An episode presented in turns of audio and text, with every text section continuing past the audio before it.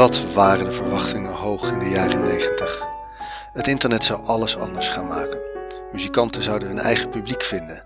De afstand tussen politiek en burger zou verdwijnen. Alle kennis van de wereld zou beschikbaar worden voor iedereen. Maar dan ook echt iedereen. Wat waren we naïef. Er kwam helemaal niets van terecht.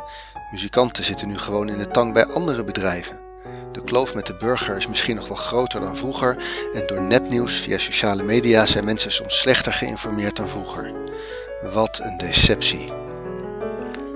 Er waren ook ontwikkelingen waar we toen al niet in geloofden. Zo was er Wikipedia. Een stel vrijwilligers die samen een online encyclopedie zouden gaan onderhouden en waaraan iedereen zomaar mocht bijdragen, zonder eerst door experts goedgekeurd te worden, en gratis te gebruiken leuk idee, maar dat zou toch nooit de kwaliteit en kwantiteit kunnen benaderen van echte encyclopedieën, zoals de Winkler Prins of Microsoft Encarta. Om van de Encyclopedia Britannica nog maar te zwijgen. Hoe zouden zomaar mensen de kwaliteitscontrole doen? Grapjassen zouden er onzin in zetten en het geheel zou daardoor nooit betrouwbaar worden. Maar het werkt. Het is gratis het heeft de Encyclopedia Britannica in compleetheid en in betrouwbaarheid ver achter zich gelaten. Er zit geen financieel belang achter, er zijn geen adverteerders. Alles werd en wordt nog steeds gedaan door vrijwilligers. Wikipedia is de grootste triomf van het informatietijdperk. Wikipedia is niet alleen de opperscheidsrechter bij weddenschappen en de vriend die altijd weet hoe het ook weer precies zat. Wikipedia is ook een schatkamer van verhalen.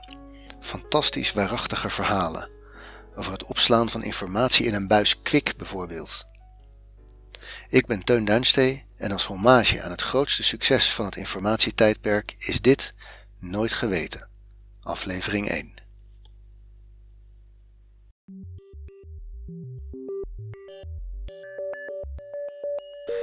Dit verhaal gaat over de eerste computers. En dan met name over het geheugen van die eerste computers. Dat werkte met een buis vol kwik. Het is een veel raarder verhaal dan je verwacht, maar voordat we daaraan kunnen beginnen, moeten we het eerst hebben over wat geheugen van een computer eigenlijk is. Het woord geheugen wordt bij computers voor van alles gebruikt, maar wat we hier bedoelen is het zogenaamde interne geheugen. Vaak wordt dat ook RAM genoemd, voor Random Access Memory. Dat komt later. Dit verhaal begint midden in de Tweede Wereldoorlog. Terwijl in Europa en Azië hard werd gevochten, was in de woestijn van New Mexico een geheime stad verrezen, waar op de top meer dan 100.000 mensen woonden en werkten aan het Manhattan-project. Het doel was het maken van een atoombom om daarmee de oorlog in één klap te beslechten. Een vaag idee dat zelfs op papier nog niet zo heel lang geleden was bedacht en waarvan helemaal niet zo duidelijk was dat dat in de praktijk zou kunnen. De Amerikanen gingen all in. De knapste koppen van hun universiteiten werden bij elkaar gebracht. Er werd een min of meer oneindig budget vrijgemaakt. Namen als Bohr, Oppenheimer, Fermi, Feynman woonden jarenlang in de woestijn en werkten zich daar het schompens om het project te laten slagen. Zo ook John van Neumann. En daar gaat het ons nu om. Von Neumann was een Hongaar. Hij heette eigenlijk geen John, maar Janos. En hij was een buitengewoon iemand. Hij was een soort wiskundig wonderkind geweest. Hij deed allemaal dingen waar gewone stervelingen zich een enorme sufferd bij voelen. En hij werd professor aan Princeton University op zijn 27ste. Daar ontmoette hij in de jaren 30 Alan Turing. Daar komen we zo meteen ook nog op terug. Turing was in die tijd al bezig met het theoretische idee van de Universal Machine, wat we vandaag een computer zouden noemen. Ten tijde van het Manhattan-project was Van Neumann een jaar of 40. Ze hadden hem erbij gevraagd als natuurkundige. Hij was namelijk gespecialiseerd geraakt in het modelleren van explosies. Daarvoor waren complexe berekeningen nodig en von Neumann werkte naast zijn echte werk een ontwerp uit voor een machine die gebruikt kon worden voor dergelijke berekeningen. Een echt werkende universal machine, zoals hij Turing had horen beschrijven. Hij schreef dat in de trein, elke keer als hij van Princeton naar Los Alamos en terugreisde. Dat document, bekend als de First Draft, is zo'n beetje de oprichtingsverklaring van het computertijdperk. Het beschrijft een praktische manier om zo'n apparaat echt te bouwen. Al onze huidige computers en telefoons zitten nog steeds zo in elkaar. We noemen het de Van Neumann architectuur. Een belangrijk onderdeel van die architectuur is dat von Neumann een strikte scheiding aanbracht tussen de schakelingen die logische bewerkingen kunnen uitvoeren en de opslag van welke bewerkingen in welke volgorde moeten worden uitgevoerd. Daarnaast heeft een programma tijdens het uitvoeren ook altijd een plek nodig voor tussenresultaten. Het idee van von Neumann was dat je dat best op dezelfde plek kan doen, het werkgeheugen. Zie het als een blaadje met een recept erop. Als je wilt bijhouden hoeveel suiker je precies had afgewogen, dan kan je dat best in de kantlijn van hetzelfde blaadje schrijven. Dat is een kernidee van de von Neumann architectuur. De processor staat apart van het geheugen en je gebruikt het geheugen tegelijk als opslag van je programma en als kladblok.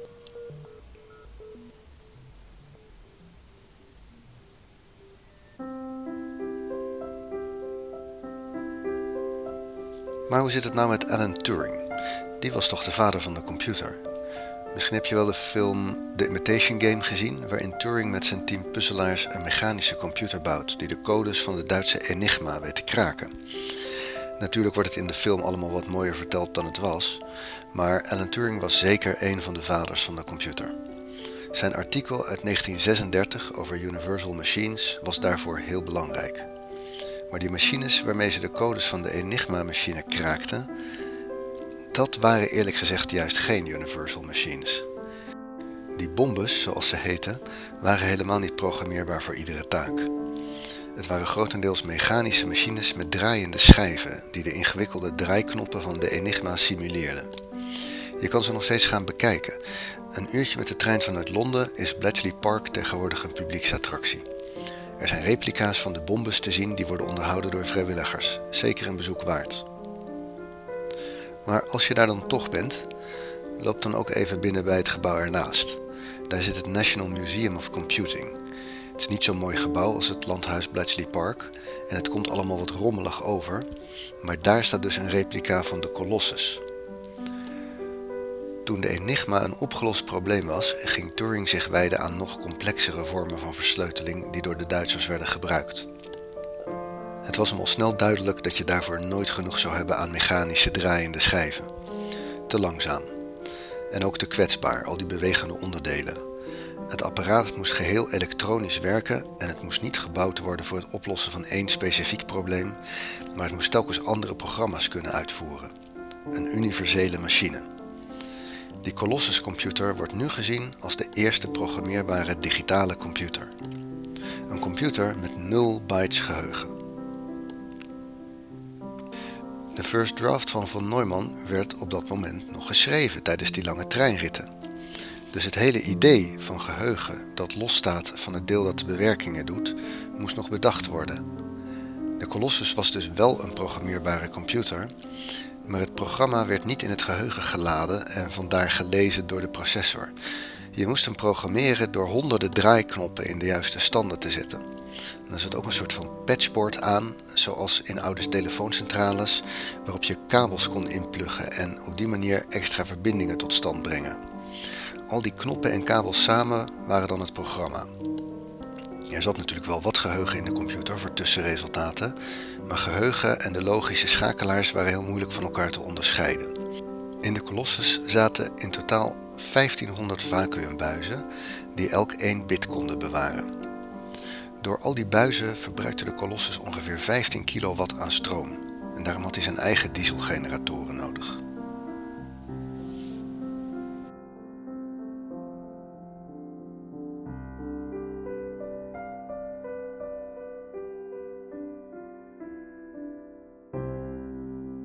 De computer van von Neumann kwam niet op tijd voor het einde van de oorlog.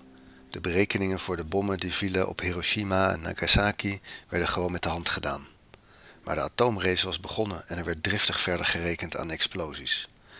Von Neumann had zelf ook al wel gezien dat het nadeel van zijn architectuur was dat je er wel wat meer geheugen voor nodig zou hebben.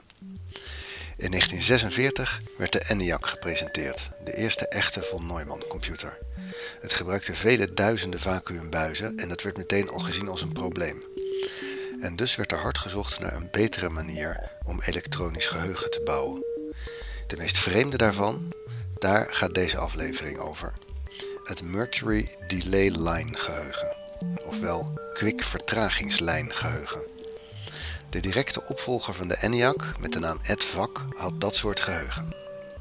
Hoe werkt het? Stel je voor, je hebt een lange buis met aan de ene kant een klein luidsprekertje en aan de andere kant een microfoontje. Als je met het luidsprekertje een kort geluidje maakt, is dat geluidje een tijdje onderweg door die buis naar de microfoon aan de andere kant. Eigenlijk onthoudt de buis gedurende die tijd het geluidje. Als je het geluidje aan de achterkant opvangt met de microfoon, kan je het meteen weer versterkt afspelen aan de voorkant. Zo blijft dat geluidje rondgaan en heb je eigenlijk één bit geheugen in je buis. Als je heel snel achter elkaar geluidjes afspeelt, passen er ook wel meer bits in een buis. Door de buis niet met lucht te vullen, maar met kwik, werkt het een stuk sneller, want de geluidssnelheid in kwik is veel hoger.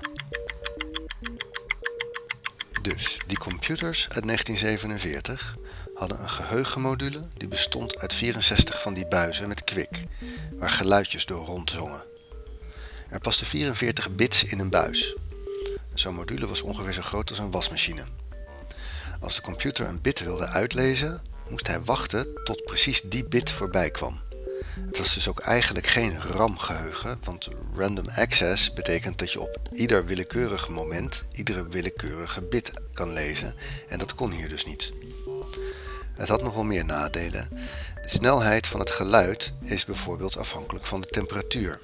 En het was belangrijk dat de klok van de verwerkingseenheid in precies even lange tikken werkte als tussen de pulsen in de buizen zaten. Dus moesten die systemen precies op 40 graden Celsius worden gehouden. Dat maakte werken in die ruimtes geen pretje. Kwikdampen zijn ook behoorlijk giftig. Dus dat de geheugenmodule vol zat met liters en liters kwik maakte het systeem ook niet heel veilig. Vertragingslijnen zijn dan ook maar een paar jaar populair geweest. Ze werden eerst vervangen door core-geheugen. Dat werkte met een heleboel ringetjes die gemagnetiseerd konden raken. En nog later kwamen de transistors op basis van halfgeleiders. Die zitten eigenlijk nog steeds in onze telefoon. Ongelooflijk hoe de technologie zich heeft ontwikkeld. Je luistert nu naar mijn stem, waarschijnlijk op je telefoon. Deze podcast is ongeveer 12 MB als MP3-file. Een betrekkelijk klein bestand voor een moderne telefoon om in geheugen te laden. Die vroege computers, zoals de EDVAC, hadden in hun twee koelkasten vol kwik aan geheugen ongeveer 30 milliseconden van deze podcast kunnen opslaan.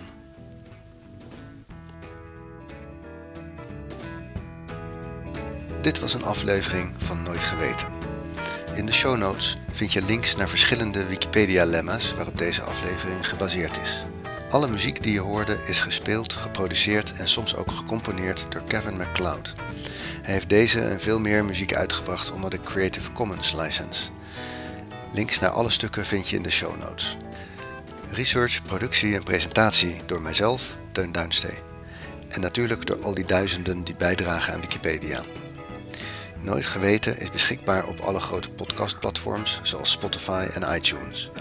Als je wilt helpen, laat daar dan een review achter. Ik vind het leuk om te horen wat je ervan vindt. Als je graag een donatie wilt doen, doe dat dan niet aan de Nooit Geweten podcast, maar direct aan de Wikimedia Foundation, de stichting achter Wikipedia.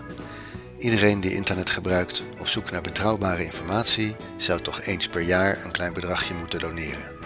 Doe het.